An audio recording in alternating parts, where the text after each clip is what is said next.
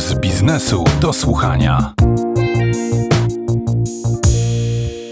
Ja jestem i pracownikiem, i szefem, więc y, z jednej strony doskonale rozumiem, że każdy pracownik chciałby zarabiać więcej, ale z drugiej doskonale rozumiem, że budżet płac jest z gumy, a sytuacja gospodarcza i nadchodzące zmiany w podatkach, no delikatnie mówiąc, nie nastrajają firm specjalnie euforycznie.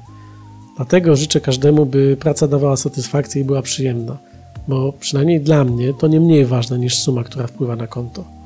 Za tydzień spotka się z Wami Marcin Bołtryk i opowie o tym, na co wydawaliśmy pieniądze w czasie pandemii, a będą to wybory dość zaskakujące. Wszystkie archiwalne odcinki Pulsu Biznesu do słuchania znajdziecie na pb.pl ukośnik do słuchania i oczywiście w każdej aplikacji muzycznej. Będzie nam bardzo miło, jeśli nas polubicie, dodacie do ulubionych, czy dacie 5 gwiazdek, czy jaką skalę ocen ma Wasza aplikacja. To pozwoli nam się rozwijać. Z góry bardzo dziękujemy.